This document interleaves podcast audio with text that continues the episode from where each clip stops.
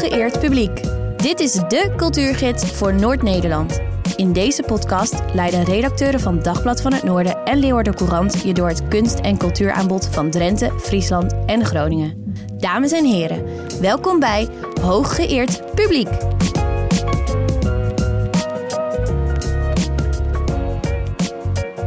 En zo is dat maar net. Aflevering 44. U luistert naar de stem van Joep van Ruiten, cultuurpodcast Hooggeëerd Publiek, Dagblad door de Leeuwarden Krant. Met dit keer in de studio Kiete Brugman. die uh, Kisten vervangt. Want Kisten die is aan, de, aan, geloof ik in Brussel aan het uitleggen hoe je moet gaan zwemmen. Of uh, wat er fijn is aan het zwemmen. Aan, aan de knoppen zit uh, Arjen Rijders zoals uh, vertrouwd. En we gaan het hebben straks met schrijfster Kaya Kazimier over haar messentrekkersroman Split Second. We gaan luisteren naar de muziek die daarbij hoort. Drill rap en aanverwanten. We gaan naar de column van Azing luisteren. Uh, we gaan het hebben over uh, de Vries en het Aardvark Saxofoonkwartet. Uh, dichters in de Prinsentuin. maar we gaan het ook hebben over Christoffel en Kate Bisschop. Die een echtpaar, een verzamelaars die uh, verzamelaars-echtpaar dat een, een, tentoonstelling heeft in het Fries Museum. Maar eerst, Gieten, wil ik het eventjes hebben over het laatste politieke nieuws. Want ik heb begrepen dat de co coalitiebesprekingen op het provinciehuis in Friesland zijn, zijn uit elkaar gespat. Wat is, is de PvdA verklapt. zijn verklapt, zijn geklapt, zo heet ja, dat. Ja. ja. is dat zo? Ik weet niet of dat de officiële term is, maar in ieder geval heeft de PvdA zich uit de besprekingen teruggetrokken. Uh, er was veel te weinig geld voor cultuur en natuur, zei ja. de uh, vertegenwoordigster in kwestie. Ja.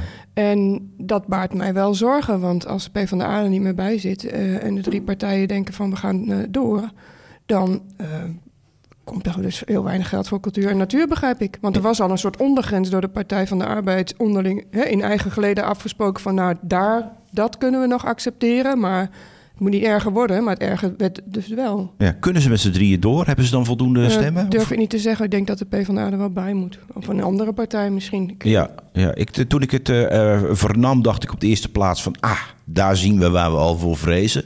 Met een, uh, ja, een, een, een, formatie van de boer-burgerbeweging, CDA en ChristenUnie. Dat is nou niet bepaald dat je denkt van dat is voor de cultuur heel goed. Nee, het zijn niet de partijen die doorgaans cultuur hoog in het vaandel hebben staan, ja. helaas. Ja, en het, het, was wel heel frappant dat het ook wordt ontkend. Het wordt ontkend dat ze zouden de cultuur, het cultuurbudget in Friesland zouden willen halveren. Dus de PvdA heeft ook zitten liegen, begrijp ik. Ja, dat, dat, kan natuurlijk ook. Dat weet je natuurlijk nooit zeker, want ze wilden verder niks loslaten over andere bedragen en zo. Dus uh, ja, dit, dit, wordt nu als uh, nee, de reden gebruikt waarom ze zijn, eruit zijn gestapt. Ja, oké. Okay. En ja, dan moeten we dan maar aannemen dat dat zo is. Maar het is wel een, een teken aan de wand. Ja. Want uh, aan de andere kant heeft Welcome to the Village, het grote festival in Leeuwarden, is uh, gestopt. Ja. De organisatie is gestopt wegens alsmaar onduidelijkheid vanuit de gemeente, maar vanuit het systeem, zoals het dan wordt genoemd. De gemeente werkt er wel mee, maar kan niet zoveel beter. Um, wegens alsmaar geen vergunningen en bezwaren die dan komen tegen zo'n festival in een recreatiegebied. Ja, weet je, het probleem is dan, uh, Leeuwarden, Friesland gaat een beetje leeglopen cultureel. En dan gaat iedereen naar Amsterdam, al die jongeren, want het is helemaal geen aantrekkelijk klimaat om nog in Friesland of Leeuwarden nou, te wonen. Dat, lijkt me wat dat is het grote, nee, ja, maar dat is het grote verhaal. Hè? De organisatoren van Welcome to the Village gaan nu naar Amsterdam, zegt directeur, uh, financieel directeur Jet van Beck uh, vandaag in de krant. Um, dus ja, het, het wordt er niet echt heel veel leuker op. Donkere Terwijl, wolken natuurlijk in het westen al een heel groot woonprobleem is. Uh, ja, je, je, kunt problemen misschien een beetje oplossen door het op andere plekken in Nederland, waar misschien nog wel wat makkelijk gebouwd kan worden, bijvoorbeeld ook aantrekkelijk te maken om daar te wonen. Ja. En daar hoort cultuur wel bij. Ja, ja. maar goed, uh, is het uh, zorgelijk, het culturele klimaat in, in Leeuwarden? Na, bedoel, na het wegvallen van dit festival en de PvdA die de hak in het zand zet bij de formatie? Of is het daar nog te vroeg ja, voor? Ik vind dat je je daar in ieder geval altijd wel zorgen over moet maken. Je moet je altijd bezorgd zijn om cultuur, vind ik. Want het is toch altijd het ondergeschoven kindje. Het is een van de laatste posten waar dan nog naar wordt gekeken. Er gaat helemaal niet veel geld in om, maar het effect ervan is altijd groot. Ja. Ja, ik heb even gekeken hoe de provincie uh, Groningen, hoe daar de gesprekken lopen. Daar is de boer-burgerbeweging in gesprek met uh, Gronings Belang, ChristenUnie en de PvdA. En in Drenthe wordt ook gesproken tussen uh, boer-burgerbeweging, VVD, CDA en PvdA. Nou, dat is uh, blijkbaar de PvdA die de vinger aan de pols houdt. We moeten het maar eventjes afwachten. Het gaat niet heel erg soepel met die besprekingen. De coalities hadden er toch al lang moeten zijn, lijkt mij. Maar goed. Ja, nee. Ik merk het is er geen niets van dat- politiek programma dit, Joep. nee, Eh, nee ik, ik merk er ook niks van dat de boel niet bestuurd wordt. Het leven gaat gewoon door. De En- ambtenaren die kunnen nog wel wat, maar... ja, eh, ja. En ja. jij bent enthousiast over een tentoonstelling in het Fries Museum. Eh Ja. Christoffel en Kate Bisschop. Wie zijn dat? Ehm, Christoffel Bisschop eh, is een tijdgenoot van Laurens Alma Tadema. En Ah. daar hebben we een tijd geleden in het Fries Museum een hele succesvolle expositie eh, van gehad. Ehm, die waren ook bevriend. Laurens Alma Tadema was zelfs met Christoffel eh, in het Mauritshuis toen zij daar Kate Swift uit Engeland ontmoette. Zij was ook al in haar, van zichzelf een eh vooraanstaand kunstenaar uit welgestelde kringen in Londen. En zij was in Europa om daar haar kennis, eh, talenten eh, te ontwikkelen. En dat deed ze dan vooral door grote meesters uit de 17e eeuw te kopiëren. Dat was heel gebruikelijk in die tijd. En zeker ook voor vrouwelijke kunstenaars die maar een beperkte, nou ja, was maar beperkt toegestaan, zeg maar, wat ze konden schilderen. Vaak portretten en eh, lieve dingetjes en zo. Maar vooruit. Zij deed dat heel verdienstelijk. En die twee die eh, bleven contact houden. Zij wilde graag les van hem. Hij gaf geen les, maar hij heeft daar wel adviezen gaan geven. En eh, nou ja, dat contact is eh, uitgegroeid tot een romance. En zij zijn in 1869 getrouwd. En is zij in Den Haag bij Christoffel en zijn moeder ingetrokken. Oh nee, zijn moeder was toen al overleden. Maar hij had een enorme kunstverzameling ook. Voorwerpenverzameling moet je ook eigenlijk zeggen. Want hij verzamelde dingen uit de 17e eeuw. Maar ook wel eens uit de 19e als hem dat interesseerde. Dus het was een beetje een eclectische verzameling van meubels, maar vooral ook kostuums. Want ehm, hij was heel erg geïnteresseerd in hinderloper eh klederdrachten. Eh, en die, want die wijkt nogal af van de Friese. Hij is vooral heel erg kleurrijk. En toen hij die op ging nemen in zijn schilderijen, eh, had, had hij daar ontzettend succes mee. Dus hij verzamelde die hinderloper nou, kunstvoorwerpen of, hoe zeg je dat, kunstnijverheid eh, voorwerp. Lessenaar, een, wiegje en kostuums van vooral de vrouwen, maar ook van de mannen. Prachtige baaien hemden enzovoort. En ehm, nou ja, zij maakte daar in het begin van hun huwelijk ook dankbaar gebruik van. Zij schilderde veel dezelfde tafereelen. Maar op een gegeven moment ging zij gewoon ook haar eigen weg. Dus zij waren allebei kunstenaars en ze, ze waren ook allebei succesvol. Ze konden allebei bovengemiddeld prijzen vragen voor hun werk in de tijd. Alleen ze zijn relatief snel vergeten, als schilders in ieder geval.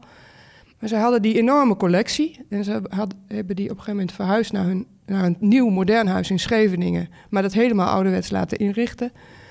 Ehm, en die inrichting van die kamers hebben ze eh, met alle inhoud en al aan het Fries Museum nagelaten. Ja, want er is zo'n hinderlopenkamer te zien in het Fries Museum. Ja, die, maar die de, de basis van het Fries Museum, zeg maar, van voor het museum wat het nu was, dus aan de Tweebaksmarkt en de Koningsstraat en zo, daar waren zes kamers uit het huis van eh, Kate en Christoffel ingericht. Met alle spullen die zij hadden. Dus aan schilderijencollectie, eh 17e eeuwse eh, wandbekledingen, eh, dingen, geestelijke voorwerpen. Hè. Dus hij heette bisschop. Hij verzamelde ook wel eens be- beelden met een bisschop. En dan zeiden ze goh, wie, welk, in kamer van welke bisschop zijn we hier? Ja, van Christoffel bisschop. Hij was Precies, geen bisschop, maar goed. Dat, ja, grappig. ja, ja. Dat soort dingetjes. Ja.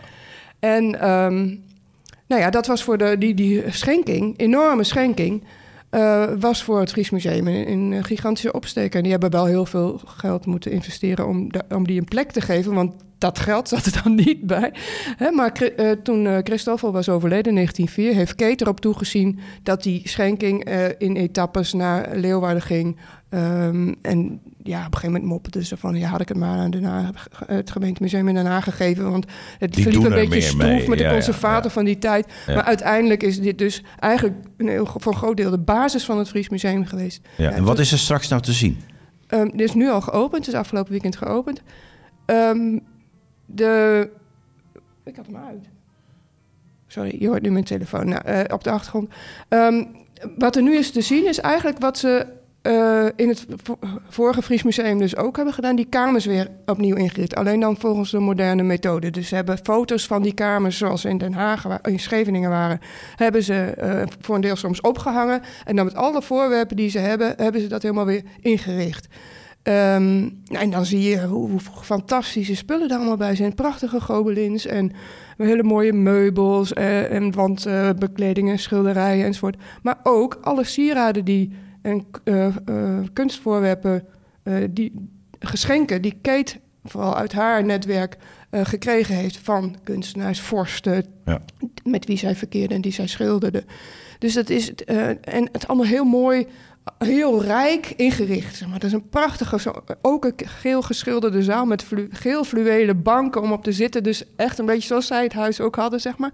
En daar hangen dan alle schilderijen door Kate en Christoffel gemaakt. Gewoon door elkaar. Ja. ja. Jij liet de naam van uh, Alma Tadema van. Wordt het een expositie die, uh, laten we zeggen, qua populariteit en belangstelling vergelijkbaar zal zijn?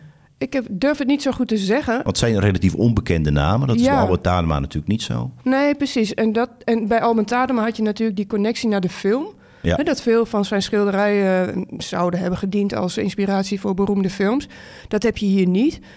Maar ja, weet je, het museum hoopt een beetje op een soort herwaardering van die stijl van schilderen. Het is een soort verlangen naar de Gouden Eeuw, want zij zijn, natuurlijk 19e eeuws powerkoppel. Ja. Maar uh, zij kijken met een soort weemoed en heimwee terug naar die Gouden Eeuw. En ze schilderen ook een beetje in die stijl. En eigenlijk hoopt het museum dat dat, dat nu weer een beetje een soort van hip is. En wat ik heel grappig vind, is dat ze in de grote zaal vier schilderijen van Christoffel als uitgangspunt hebben genomen. En dat ze dus alles wat op dat schilderij te zien is, hebben neergezet als een soort diorama. Hè? Dus je ziet de, de, de, de lessenaar die die schilder, die staat daar ook letterlijk. Want al die voorwerpen had hij hemzelf. Je ziet schilderij in 3D eigenlijk. Ja, ja, eigenlijk wel. En veel van die schilderijen door hun populariteit maakten die er nog een keer een versie van. Vanuit een net iets ander standpunt. Of er werd een prent van gemaakt of een tegeltableau. Nou ja, dat was toen een enorm teken van populariteit. Ja. Nou ja. Oké. Het, nou. is, het is een heel rijke, echt heel met heel veel dingen om te zien, expositie. Het dus wordt de, de grote zomertentoonstelling in het Fries Museum, eh, concludeer ik. Of is, is het al, want hij is al begonnen. Ja, tot en met uh, januari volgend jaar zelfs. Dus ook de kersttentoonstelling. Nou, mensen, mensen we, we, kunnen erheen, en, of ga erheen. Blijf er in ieder geval niet bij weg. Uh, Arjen, we gaan bellen met, uh, met Kaya Kazimir. En Kaya die heeft een, een, een, een jeugdroman geschreven, Split Second. Uh, ik heb hem gelezen. Het is een, een, zeer interessant boek. Het gaat over messentrekker. Het is een aangrijpende roman waarin de hoofdpersoon, ene Thijs van Dijk, tijdens een vechtpartij een mes trekt. Hij doet dat nadat hij eerder voor zijn zus Lotte heeft willen opkomen als ze wordt betast. En uh, Thijs daarna ruzie krijgt met de betaster. In Split Second, want zo heet die roman, wordt verteld over een actueel maatschappelijk probleem en wat de gevolgen kunnen zijn als het jonge mensen niet lukt om gevoelens onder woorden te brengen. Kaya, uh, hoe is dit onderwerp op jouw pad gekomen? Heb jij zelf een uh, messentrekker in je kring? Nee, gelukkig niet. Uh, in, in december 2019 las ik in de krant over een jongen in uh, Drachten. Die werd neergestoken en dat heeft hij uiteindelijk niet overleefd. Roan Brilstra. En de daders waren 14 en 15 jaar oud.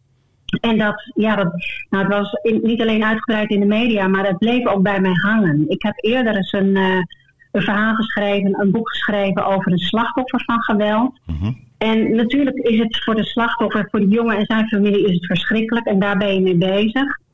Maar in tweede instantie dacht ik ook aan die jonge daders. Hè? Wat, wat betekent het voor hun leven? En ook van ja, uh, het zal je zomer zijn. En wat betekent het voor, voor het gezin waar ze uitkomen? En dat bleef maar bij mij hangen. En op een gegeven moment dacht ik van nou, kan ik daar misschien een boek van maken?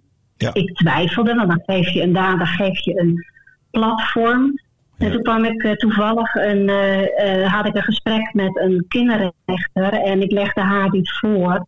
En zij zei, dat moet je vooral doen. Want ik denk dat het goed is dat ook daar aandacht voor is.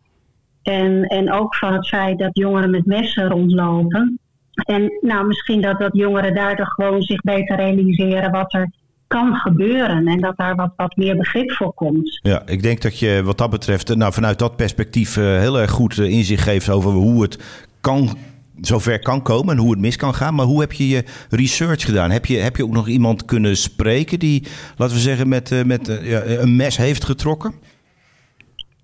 Nou, ik heb met, met verschillende mensen gesproken met diezelfde kinderrechter, die heeft me geholpen met, met informatie en die heeft ook de, de opzet en, en het, het manuscript ook becommentarieerd.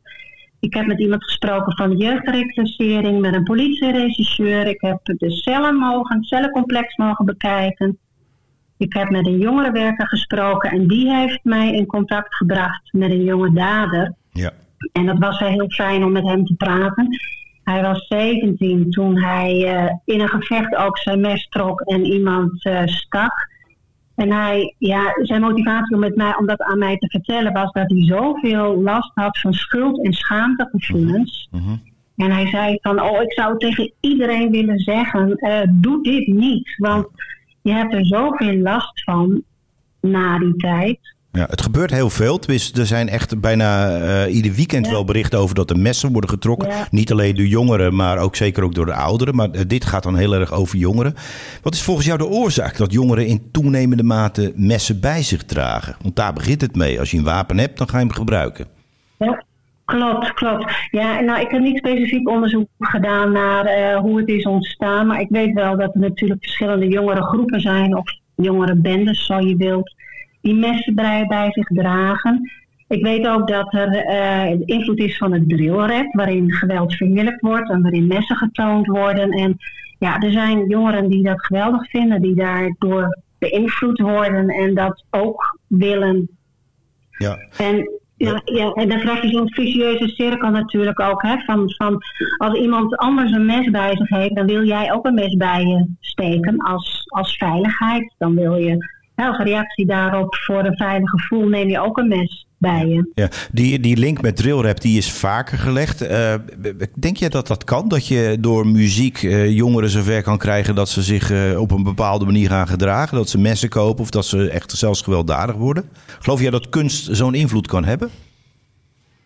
Ja, zeker geloof ik dat. Kunst en, en, en muziek, dat, die beïnvloedt jou natuurlijk altijd. Zowel positief als helaas ook negatief in dit geval. Want als je iets ziet of als je iets hoort, je denkt iets, je voelt iets, het beïnvloedt je. En ja, dat kan zeer zeker. Ja, wat opvalt in het boek, uh, tenminste wat mij opviel, ik dacht toen uh, op het moment dat, er, dat Thijs ingrijpt en dat hij zijn zus probeert te beschermen, dacht ik van als hij op een slimme manier dat gesprek was aangegaan met Julian, de jongen die jij later zal steken, dan was het mogelijk niet tot een steekpartij gekomen. Ik dacht, hier suggereer jij een beetje dat messentrekkers te primair regeren en dat secundair beter is. Kun je daar iets bij voorstellen?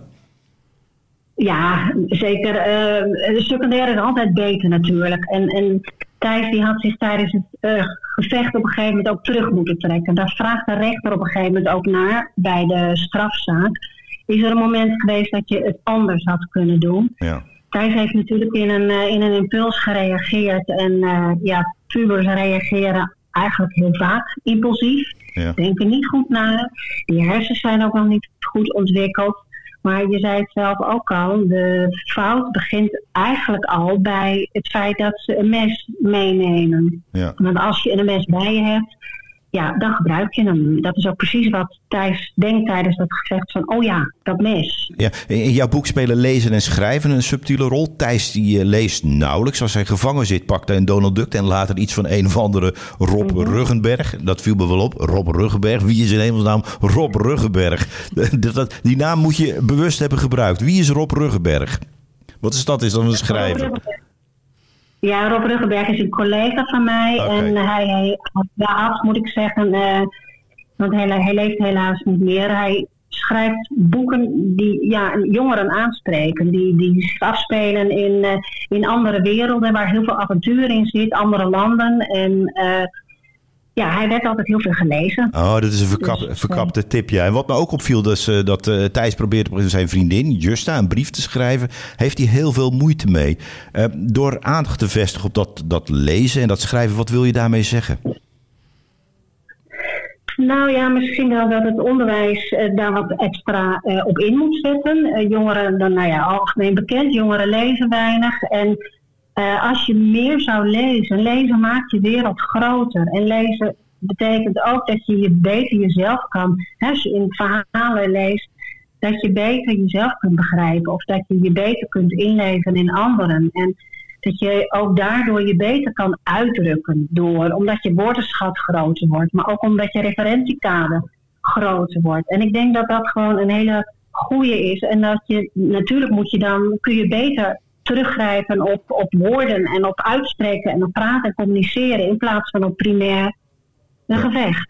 De emoties afboeden. Geen daden, maar woorden hoor ik, uh, hoor ik hier. Jij schrijft al jaren jeugdromans waarin actuele, waarin uh, actuele problemen van jongeren centraal staan. Jouw boeken lijken ook geschreven om die jongeren te helpen. Merk je dat het helpt? Ik bedoel, je hebt een enorme oeuvre inmiddels al bij. Heb je enig idee dat het inderdaad, inderdaad ook het effect sorteert wat je, wat je, wat je beoogt?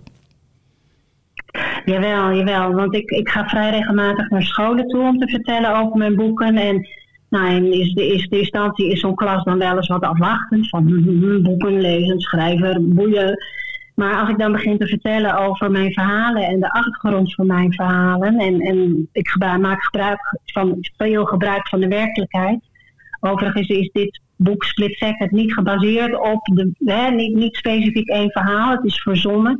Maar ik maak wel gebruik van die werkelijkheid. En dan hebben de jongeren op scholen heel erg het idee, ze veren op van, oh, dit gaat over ons. Ja. En oh, dit is interessant. En oh, kan je er ook zo mee omgaan? Het zet ze, ik, ik merk gewoon in hun reacties dat het ze tot aan uh, nadenken zet. Ja, Maar ook op Instagram krijg ik regelmatig reacties van, uh, ook wel van docenten, maar ook van jongeren van, uh, oh wat fijn dat dit boek er is. En ik, heb, vond het zo mooi en ik heb het met ja, het heeft me zoveel gedaan toen ik dit las. Dus dat is wel heel, uh, heel mooi. Ja, heel goed. We gaan uh, straks nog even naar een stukje muziek luisteren. Esco, dat is ook een, uh, een, een, naam die valt in jouw boek. Dat is waar de, de, de, de hoofdrolspelers naar luisteren. Om een beetje een beeld te geven van het geluid wat hierbij hoort. Ik wil je bedanken voor het gesprek.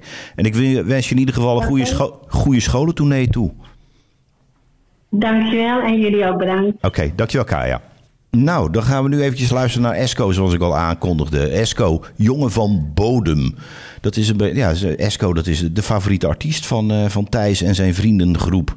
Het is niet meteen drillrap, maar het komt aardig in de buurt. Dus uh, geniet er even van. Ik heb zoveel meegemaakt, ik heb zoveel gezien, zoveel verdiend en ook zoveel kwijtgeraakt. Geef niet toe aan verdriet, weet alles van verlies, ben een jongen van bodem. Ben een jongen van bodem, ben een jongen van bodem. Ben een jongen van bodem, ben een jongen van bodem. Het is een eh, aparte taal uh, die hier uh, wordt, uh, wordt gezongen. Zou je dit nog wel Nederlands noemen? Het is niet helemaal grammaticaal juist Nederlands. Ik ben van bodem, hè? jongen van bodem. Nee, maar ik denk dat het niet zou meer staan op een dichtersfestival. Want het is wel heel erg creatief met speels. taal omgaan. En speels. En er zit natuurlijk heel veel slang in, denk ik. Net als in dat andere drill rap die ik nou heb geluisterd. Ter voorbereiding van dit, ja, deze podcast. En kreeg je ook een aanvechting om een mes te kopen?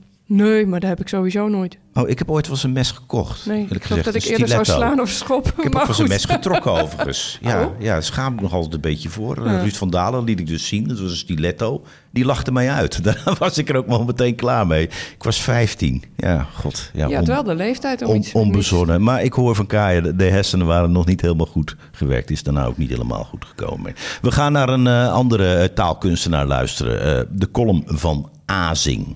Azing, kom er maar in.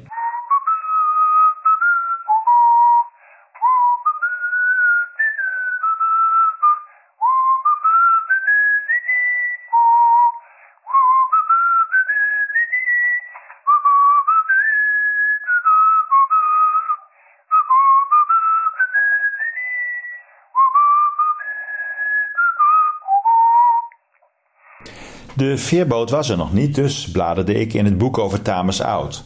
Dat had ik net gekocht bij de opening van een tentoonstelling op Ameland.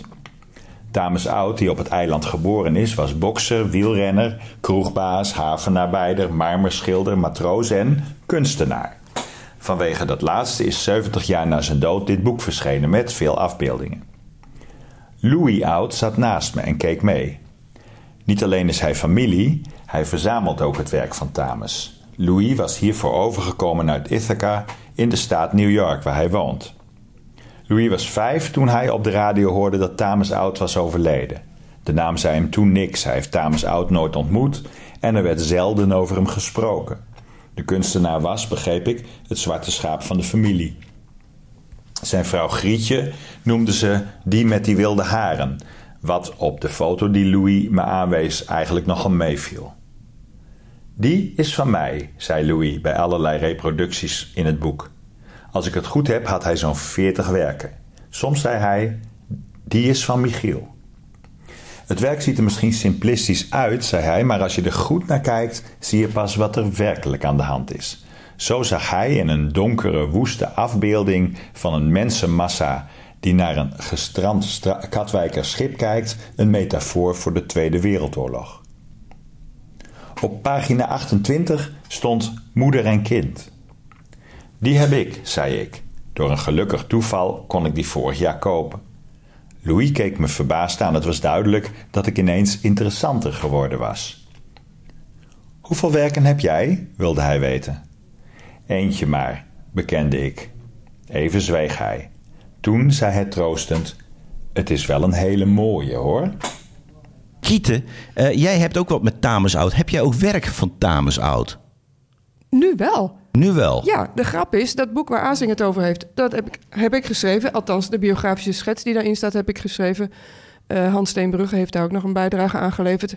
Um, en die Louis Oud is een van de grote verzamelaars die bruiklenen heeft gegeven voor de expositie die nu in uh, Museum Belvedere in Heerenveen en uh, in het Zorgdagenmuseum op Ameland te zien is. En als dank voor het schrijven van deze uh, biografische schets, oftewel mijn aandeel in het boek, hebben twee grote bruikleengevers mij een uh, lino-snede van Tamus Oud gegeven. Dus mijn eerste Tamus gekregen. Ja, kun je hem omschrijven? Is die zo'n beetje zoals wat Azing uh, omschrijft? Um, nee, Tamus heeft heel veel inderdaad, soort, zeker in zijn grafische werk, veel um, heel eenvoudige figuren, mensfiguren uh, gebruikt. Maar hij heeft een hele strakke schar uh, gemaakt. Die heeft ooit ook op de Biennale van Venetië gehangen, op uitnodiging van uh, de Nederlandse staat. En daar heb ik een print van. Dus het is gewoon een heel simpele vorm van een vis. Oké. Heel mooi. Ja, en heeft hij al een plek gevonden in jouw woning? Nee, ik wil hem eerst laten inlijsten.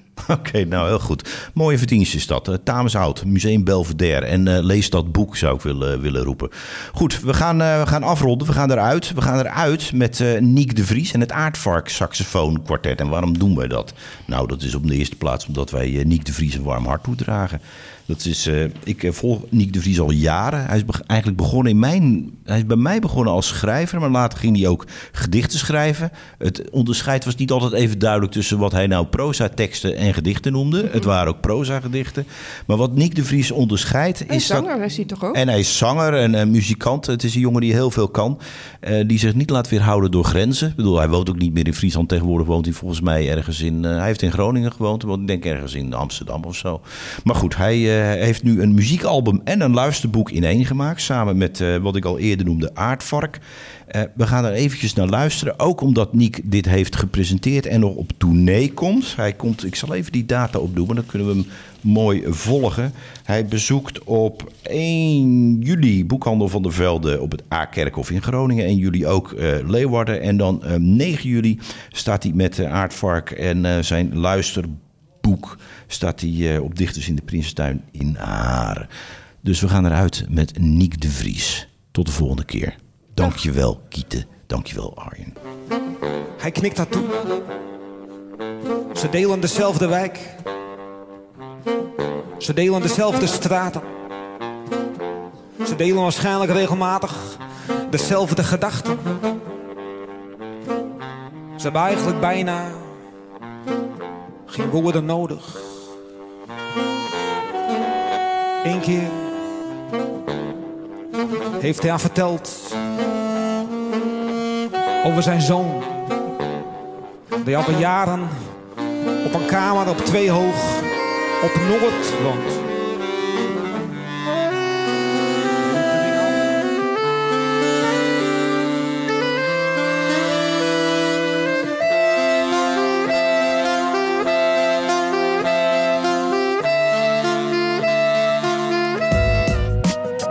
Dit was Hooggeëerd Publiek, de cultuurgids voor Noord-Nederland. Een co-productie van de kunstredacties van Dagblad van het Noorden en de Leeuwarden Courant.